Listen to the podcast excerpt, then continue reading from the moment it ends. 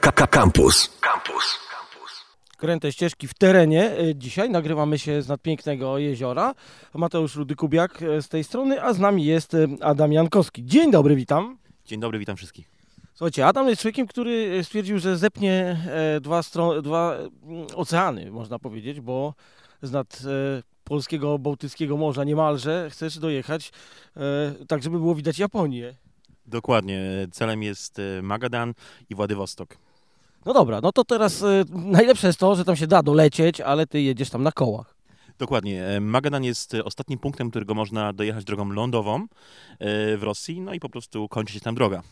No dobra, to teraz pokrótce, nie jedziesz prosto, no bo to, to, to trzeba przyznać. Powiedz, jak, jak wygląda plan i, i, i jak już, ile już ujechałeś? Dokładnie. Podstawowym e, planem była e, wyprawa, która, do której zainspirował mnie Jacek Hugo Bader w swojej książce Biała Gorączka, e, który zrobił podobną trasę w Ładomniwą w latach 90. E, Jechał przez Rosję.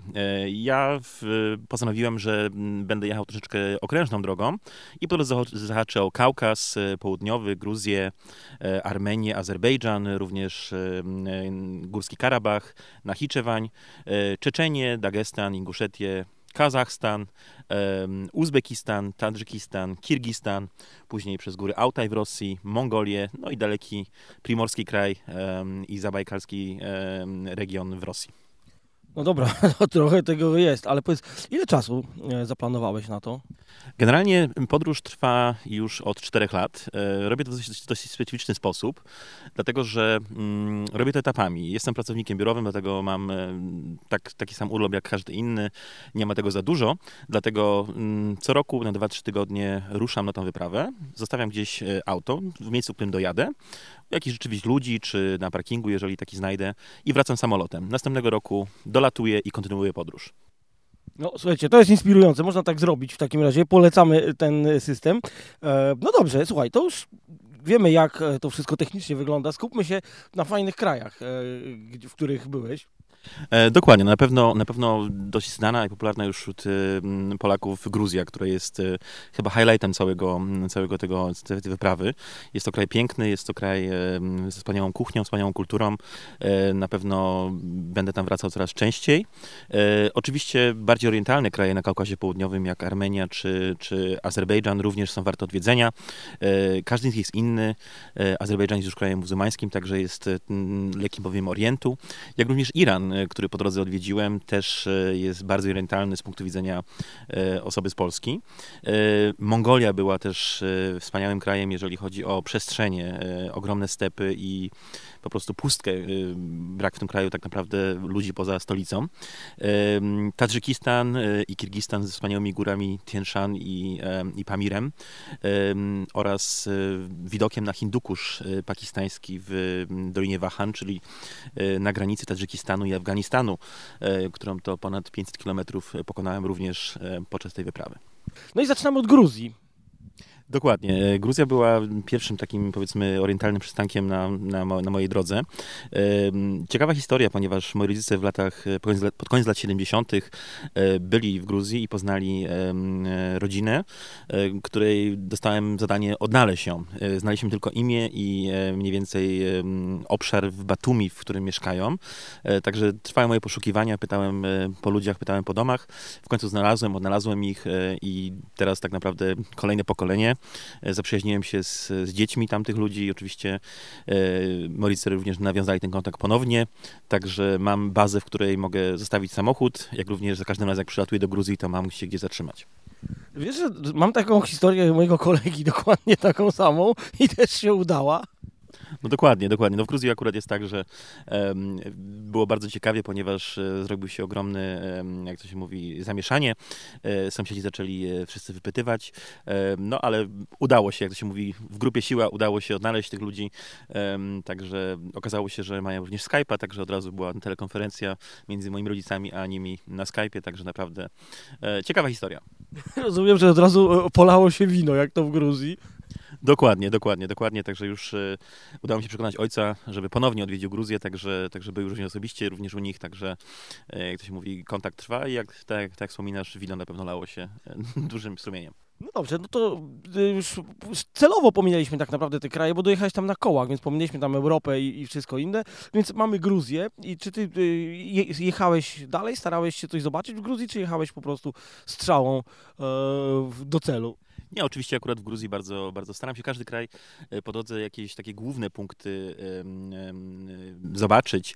Oczywiście e, taka droga, taka wyprawa ma swoje prawa, także nie mogę zbyt długo zostawać w każdym z krajów, ale akurat na Gruzję przeznaczyłem ponad tydzień, ponieważ jest to kraj, w którym jest taka ilość zabytków, taka ilość pięknych miejsc i wspaniałych ludzi, że naprawdę warto na ten kraj poświęcić troszeczkę. Także po Gruzji mogę polecić na pewno główne cele turystyczne, czy to Omalo, do których dojeżdżamy terenową drogą, czy Szatili. E, oczywiście e, Kazbegi, e, można pokusić się o podejście pod Kazbek. Sama wyprawa na szczyt to rzeczywiście jest, jak się mówi, głębszy temat. Natomiast dla każdego dostępne są rejony pod lodowcem. No i oczywiście Również Adżaria, Batumi z okolicami, piękne, piękne miejsca, piękne monastyry, kościoły gruzińskie, także kraj piękny. No i chyba to dobry patent jest, żeby samochodem jeździć, czy swoim, czy, czy wypożyczonym, ale właśnie terenówka w Gruzji to jest dobry pomysł. Dokładnie. Większość dróg niestety no jest, odbiega troszeczkę od standardów, których jesteśmy przyzwyczajeni tutaj w Europie, także są to drogi terenowe. Samochód z napędem 4x4 e, bardzo pomaga. Ja w moim przypadku kupiłem e, stary, stary samochód terenowy, który świetnie sprawdza się na tej wyprawie. Odpukać nie było żadnej większej awarii. Oczywiście zdarzają się przebite opony, bądź jakieś e, pomniejsze naprawy. Natomiast na całej trasie pamiętajmy, że, że tam, tam żyją ludzie, tam mają samochody, także zawsze znajdziemy mechanika, który pomoże nam doprowadzić samochód do, do stanu, żebyśmy mogli jechać dalej. E, Paliwo jest bardzo tanie, e, w zasadzie w każdym z tych krajów e, paliwo jest bardzo tanie, czy to na przykład w Azer- w Azerbejdżanie, gdzie również wy- wydobywa się ropę, czy oczywiście w Rosji. E, W zasadzie wszędzie ceny oscylują e, w granicach połowy, czy jednej trzeciej tego, co w Polsce. E, A na przykład w Iranie za litr diesla płaciłem e, 18 eurocentów, czyli naprawdę bardzo niewielkie kwoty w porównaniu do polskich. No, do, dodajmy do tego jeszcze, że ci ludzie są zawsze życzliwi. Jakby się coś stało, to przecież zawsze chętnie pomogą, bo, bo to są e, ludzie po prostu fajni. Dobra, słuchaj, Gruzja to generalnie jest temat, e, o którym już dużo ludzi wie, ale jechałeś przez Armenię, z tego co wiem, a to jest kraj, który jakoś mniej mamy o nim wiadomości. Dokładnie. e, No, do Armenii dopiero od niedawna były loty. Teraz oczywiście z obecną sytuacją jest to zawieszone. Natomiast bardzo polecam Armenię. Jest to kraj em, zgoła inny niż, niż Gruzja. Nie jest może tak zielony, natomiast jest położony dużo wyżej. Są tam piękne góry. em, Również ogromna, ogromna ilość monastyrów. Znacznie większa niż w Gruzji moim zdaniem. I trochę inne są, dodajmy. Dokładnie, dokładnie, są troszeczkę inne. Em, Natomiast e, oczywiście ludzie, ludzie są również, również bardzo mili. Może nie jest tak, nazwijmy to, kolorowo jak w Gruzji, natomiast naprawdę warto, naprawdę warto. Polecam Armenię. Jerewań, wspaniały widok na e, górę Ararat e, po tureckiej stronie już niestety, natomiast jest, jest, jest po prostu pięknym krajem i wartym odwiedzenia. Często Polacy jadący do Gruzji pomijają Armenię, a ja naprawdę polecam. Są połączenia, mm, czy to kolejowe, czy marszrutkami, można się łatwo przedostać e, z Tbilisi do Armenii. Tak, nawet taki Jerewań sobie wyskoczyć z Gruzji na chwilę i to jest, e, było się wtedy w dwóch krajach, a nie w jednym. Dokładnie, dokładnie. Nawet e, jeszcze przed, przed całą sytuacją covidową e, były również loty do, do planowane i chyba już kilka z nich się odbyło. Także obserwujmy, jakie będą w przyszłości możliwości. Natomiast jak najbardziej z samej Gruzji Armenia jest osiągalna. Jest to wy- wycieczka na 3-4 dni. Można zobaczyć główne punkty, także polecam. Mówiłeś, że byłeś w Armenii, potem mówiłeś o, o Azerbejdżanie i o e, Iranie. A czy odwiedziłeś Nachiczewań na przykład? To jest, dodajmy, taka e, e, odcięty kawałek e, Azerbejdżanu, który jest wklejony pomiędzy Armenię, Turcję i Iran. Dokładnie. E, O Nachiczewaniu usłyszałem od em, ludzi poznanych w, w Azerbejdżanie, do którego wjechać można z Gruzji, ponieważ między Armenią a e, Azerbejdżanem granica oczywiście istnieje, natomiast kraje są cały czas w konflikcie zbrojnym, który oczywiście nie dotyka turystów, także nie ma się czego obawiać na chwilę obecną. Natomiast słyszałem o Nachiczewaniu, do którego również postanowiłem e, poj- pojechać. Jest to enklawa e, wciśnięta między, tak jak powiedziałeś, Iran, e, drobny kawałek granicy z Turcją i Armenię. Można nam się dostać tak tylko, tylko i wyłącznie ze strony irańskiej lub ze strony tureckiej, co nie, nie sprawia żadnych komplikacji. Jest również piękny rejon, bardzo, bardzo, bardzo zielony, wspaniałe góry.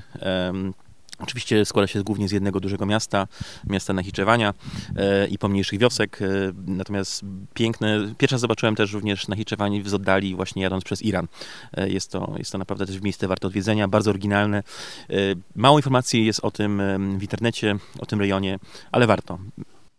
Tam opowiadałeś o śledzącej cię e, ciemnej wołdze, czy czymś takim, to bardzo ciekawa historia była. Dokładnie, wydawało mi się, że, czy na początku myślałem, że może sobie coś ubzdurałem, ponieważ jadąc um, przez, um, przez, przez, przez Nachiczewań, um, szukając jakiegoś hotelu, jechała za nami, e, jechał za nami po prostu czarny samochód, który próbowałem na filmach go zgubić tak naprawdę, skręcając bez celu w lewo czy to w prawo, natomiast cały czas trzymał się nas.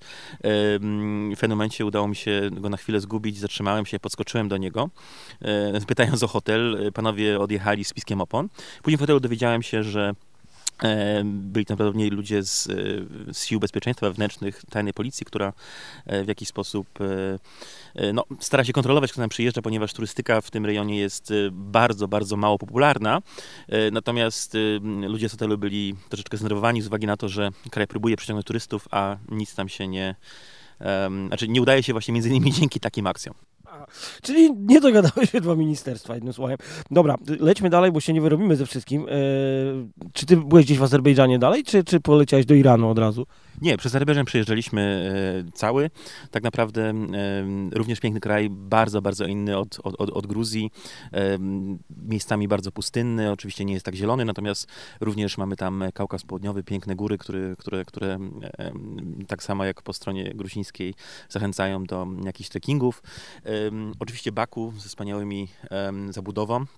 E, Poza Baku mniejszej miejscowości, e, również Astara, w której to e, poznaliśmy wspaniałego człowieka mm, Jamala, który tak naprawdę uchronił nas od aresztowania, ponieważ zabawna historia, rozbiliśmy się, szukaliśmy miejsca pod Astarą, czyli przy granicy irańskiej, gdzie rozbić się namiotem na noc. Ciężko było znaleźć, ponieważ jest to dosyć mocno zabudowane. Udało nam się znaleźć jakieś takie ustronne miejsce w nocy, było ciemno. Rano budzimy się, a nad nami jest e, radar wojskowy. Okazało się, że to była baza wojskowa. E, oczywiście było sprawdzanie dokumentów, była, chcieli nas aresztować, natomiast Jamal, lokalny... lokalny Heros. Dokładnie, dokładnie. Ja nazywam go Bonzo. Swoim starym, rozkrokotanym Mercedesem przyjechał i nas jakby uratował od tego, zaprosił nas do swojego domu. Oczywiście nie było możliwości odmowy i cała noc była spędzona na, na, na E, na rozmowach.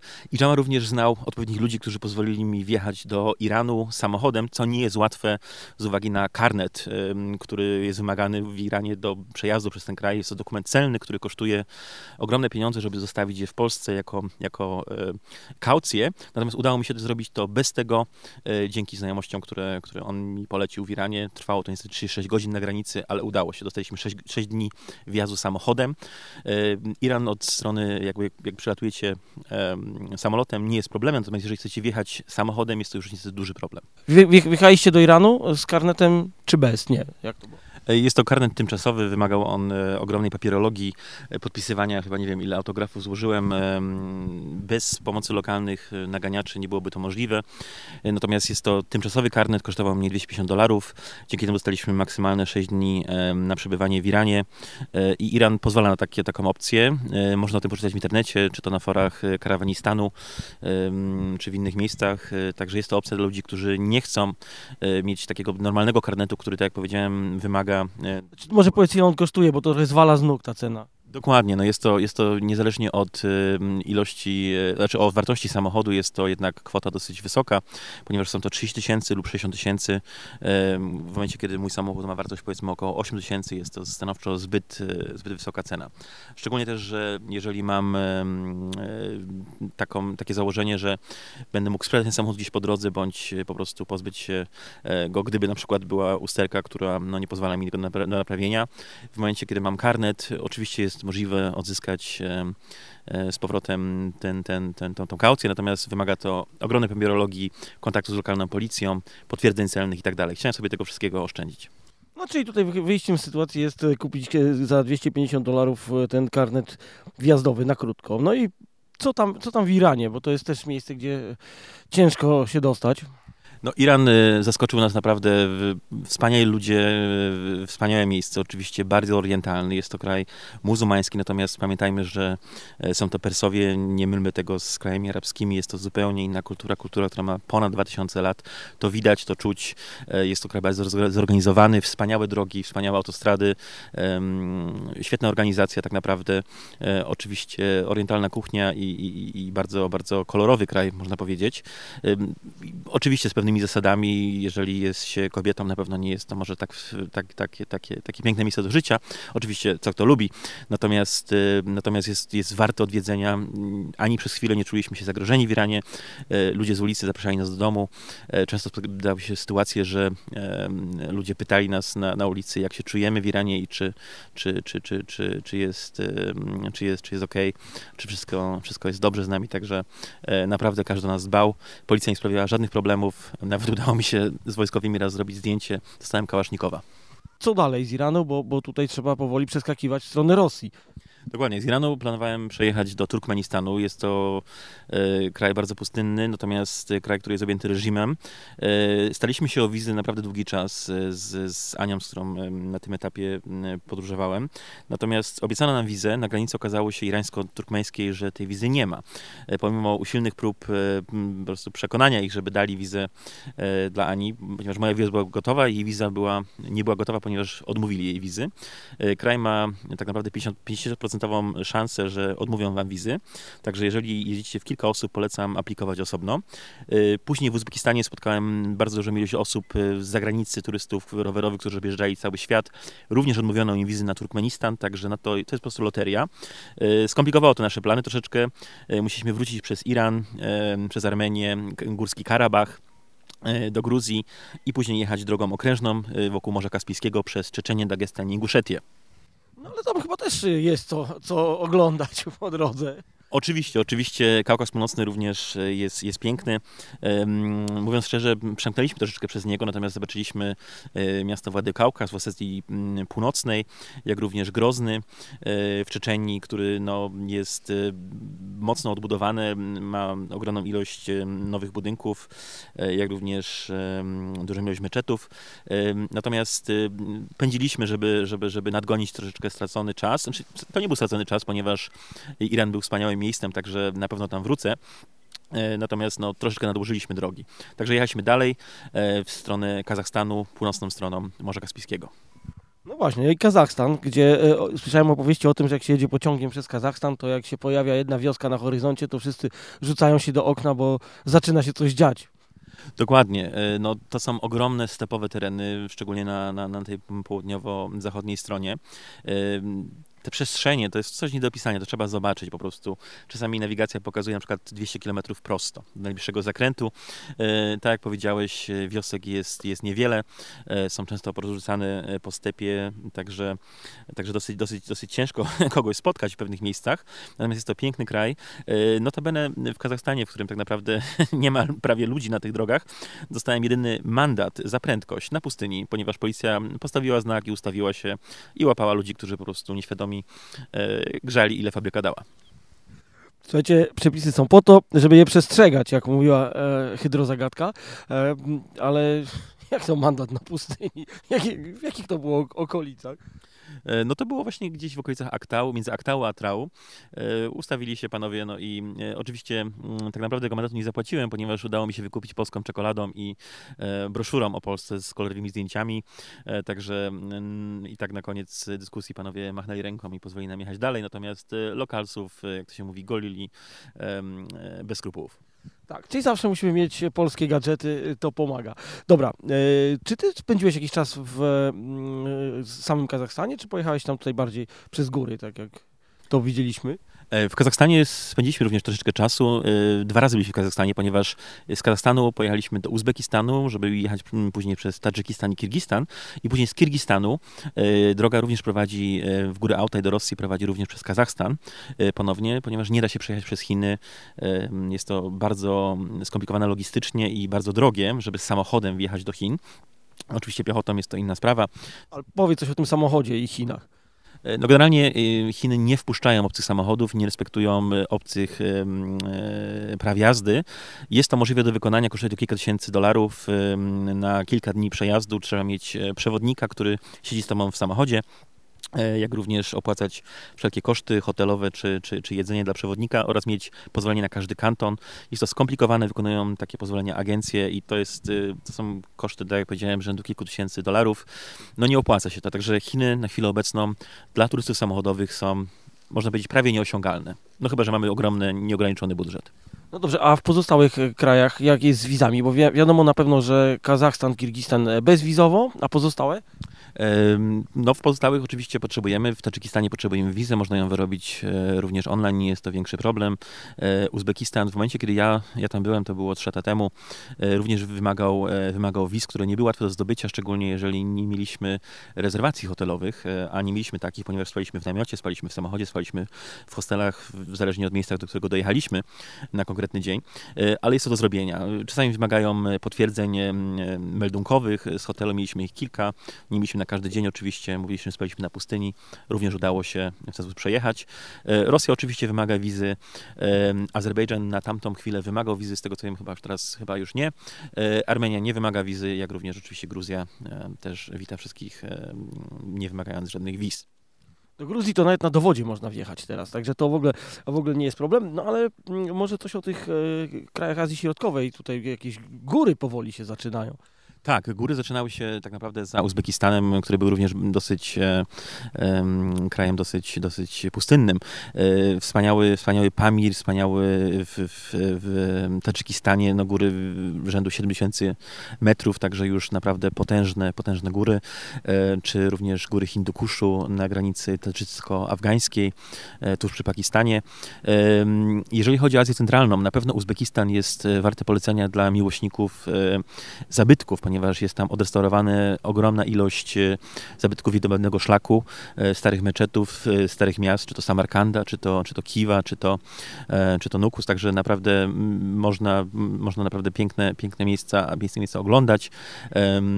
Buchara oczywiście, także Uzbekistan, jeżeli kochamy architekturę i kulturę, Tadżykistan, jeżeli kochamy naturę, wysokie góry, no i Kirgistan, który również tak naprawdę jest, jest ja nazywam go taką Gruzją wschodu, ponieważ jest bardzo zielonym krajem.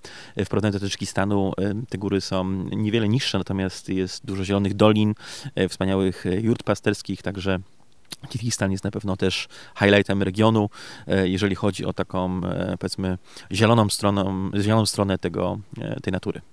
Słuchaj, tak opowiadaj, że lecisz to kawałkami, a tak lecimy już przez ileś krajów i to wszystko na jeden raz zrobiłeś? Nie, nie, nie. E, pierwszy etap to był etap przez Bałkany, Turcję do, do Gruzji. Tam auto zostało na zimę u znajomych właśnie w Batumi, którzy opiekowali samochodem przez e, okres zimowy.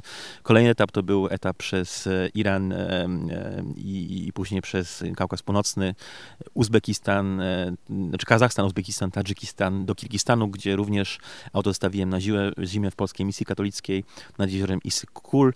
Również Dominikanie opiekowali się samochodem przez e, okres zimowy. E, następny etap był to etap przez Kazachstan, góry Altaj, całą Mongolię, aż, aż do Chabarowska i Władywostoku. Auto stało na parkingu w w Chabarowsku też przetrwało zimę i mrozy rzędu minus 40 stopni. E, I teraz w zeszłym roku dojechałem e, do, mm, pod, pod Bajkał, do Irkucka. Tam wynająłem również taki blaszany garaż, w którym też auto przetrwało zimę. No miałem w tym roku kontynuować podróż, natomiast sytuacja covidowa sprawiła, że wizy na Rosję nie są wydawane, także auto czeka kolejny rok, na przyszły rok, żeby jechać dalej w stronę Magadanu. Tak, z Kirgistanu ruszyliśmy ponownie do Kazachstanu, omijając stolicę Almaty, która również z tego co wiem warta zobaczenia. E, przejechaliśmy cały wschodni Kazachstan wzdłuż granicy chińskiej, by wjechać do Rosji, ponieważ Kazachstan nie graniczy z Mongolią, jest tam drobny odcinek Chin, który, przez który, jak wspominałem, ciężko jest przejechać. Także wjechaliśmy do Rosji, wspaniałe góry Altaj, e, bardzo magiczne, pełne, pełne szamańskich e, akcentów. No i stamtąd wjechaliśmy do Mongolii, która była mm, takim naprawdę po Iranie, wydaje mi się, bardzo orientalnym krajem. Oczywiście tam już ciężej dogadać się po rosyjsku. Ludzi jest bardzo niewielu. Rozsiane pojedyncze jurty na, na stepie. Zabytków tak naprawdę w samej Mongolii e, ciężko doświadczyć, ponieważ e, no, był to jednak lud nomadyczny, który nie zostawił po sobie e, ogromnych e, jakby jak, jakichś, jakichś zabytkowych miejsc tak naprawdę, co jest dla mnie osobiście dosyć ciekawą rzeczą, ponieważ no, Genghis Khan, jeżeli znamy historię, podbił tak naprawdę pół świata w tamtym okresie, natomiast w samej Mongolii nie zostało tak naprawdę wiele po tej kulturze. Oczywiście są historie przekazywane ustnie czy pisane, natomiast nie ma, nie ma jako takich zabytków, ale kraj jest piękny, są wspaniałe, jak wspomniałem, wspaniałe stepy, oczywiście również góry, jeziora, także Mongolia jest y, warta zobaczenia, E, tylko pamiętajmy o odległościach, że między pojedynczymi miastami są ogromne odległości, warto zabierać ze sobą kanistry z benzyną czy, czy, czy, czy, czy z dieslem, e, żeby być w jakiś sposób niezależnym. No tak, ale jak z drogami tam jest, e, chciałem się dowiedzieć. I czy widziałeś ten słynny wielki pomnik Dżingis Khana? Tak, Wielki Pomnik Dżingis Khana również oczywiście był po drodze, także nie mieszkaliśmy na niego wstąpić i, i wejść, wejść do niego. Wchodzi to dosyć ciekawie, ponieważ wchodzi się, że tak się wyrażę, jest to Dżingis Khan na koniu, wchodzi się pe- pewną część tego konia. E, Nie może nie będę na antenie o tym, o tym wspominał. Jeżeli chodzi o drogi, drogi, drogi są, one są budowane przez Chińczyków. E, Częściowo drogi są asfaltowe, częściowo są drogi po stepie czy przez góry. Drogi terenowe również samo 4x4 em, jest tutaj wskazany. E, Co jest ciekawą e, rzeczą, to w Mongolii nie, nie byłbym, e, znaczy nie polecam jeździć po nocy, ponieważ często jest tak, że na otwartym stepie, gdzie nie mamy punktów odniesienia, nie mamy drzew, nie mamy jakichś, jakichś budynków, zdarza się tak, że mamy po prostu wiele e, wersji, możliwości jednej konkretnej drogi, ponieważ one się rozjeżdżają, czasami wracają do siebie, czasami nie wracają. Także za dnia można się łatwo zgubić, a co dopiero w nocy. Także po nocy jeżdżenie po Mongolii jest dosyć ciężkim, ciężką rzeczą za każdym razem, jak zachodziło słońce, rozbijaliśmy obóz. No tak, Mongolia e, to piękny kraj, ale potem e, z Mongolii e, je- wjeżdżałeś już do Rosji, tak? Tak jest, do zabajkalskiego kraju, przy Zabajkalsku, na samym wschodzie Mongolii. Wjechałem, by, by połączyć się z rejonami Korei Transsyberyjskiej i jechać wzdłuż granicy później chińskiej na południe do Władywostoku, aż pod Kasan, czyli ostatnia miejscowość w Rosji, na granicy Korei Północnej, na której to również mieliśmy dosyć ciekawe przygody. No właśnie, granica Korei Północnej, to dodajmy, że jest trójstyk granic. Chiny, Korea i Rosja w jednym miejscu. Dokładnie, dokładnie. Jest to, jest to jest taki, taki, taka mała granica między Rosją a em, Koreą Północną. E, jeździłem tam em, również samochodem. E, akurat nie, nie, w żadnym momencie nie złapali mnie pogranicznicy, ponieważ nie wiem, czy spali, czy ich tam nie było. Natomiast em, na następną chwilę postaraliśmy się wjechać do miasta Kasan, do wioski Kasan e, i tam wbiliśmy się prosto na bazę wojskową. Zostaliśmy aresztowani. E, oczywiście e, starało się, staraliśmy się wygadać. Na początku było dosyć trudne. E, Mieliśmy przesłuchanie, mieliśmy, mieliśmy musieliśmy podpisywać protokoły. E, Natomiast pamiętałem, że jest tam e, pomnik żołnierzy radzieckich, którzy walczyli z imperialną Japonią. Jak im powiedziałem, że chciałem złożyć hołd, no to w tym momencie oczywiście był szacun. Puścili nas, dali nam tylko po 100 mm, rubli kary, którą zapłaciliśmy w Władywostoku. No i po prostu prawie nam salutowali. No dobrze, słuchajcie, no niestety nie ogarniemy całej tej wycieczki e, tutaj w jednej audycji, ale powiedz na jakim etapie jesteś teraz? No, w chwili obecnej e, auto stoi w, nad Bajkałem w Irkucku. E, Z Władywostoku e, poprzez Chabarovsk dojechaliśmy do, do Irkucka. Chciałem jechać na Magadan w zeszłym roku już, natomiast w połowie maja droga przez, e, za Jakuckiem przez rzekę Andyr była dosyć, dosyć jeszcze, jeszcze nieprzejezdna, ponieważ zalegała kra na rzece, także nie można było dojechać w stronę Magadanu. Natomiast planuję w przyszłym roku ruszyć właśnie z Irkucka poprzez Jakuck, dalej w stronę Magadanu i później powrót. I na pewno wrócę do Azji Centralnej, ponieważ chcę koniecznie e, wrócić w te kraje. One są warte zobaczenia, warte lepszego poznania, także będę tam jechał. No to to, pozostaje tylko życzyć powodzenia w takim razie i e, oby się udało. Dzięki serdeczne i pozdrawiam wszystkich, polecam wam, słuchaj, słuchajcie, realizujcie marzenia, e, naprawdę warto, jest to, jest to w zasięgu każdego z nas.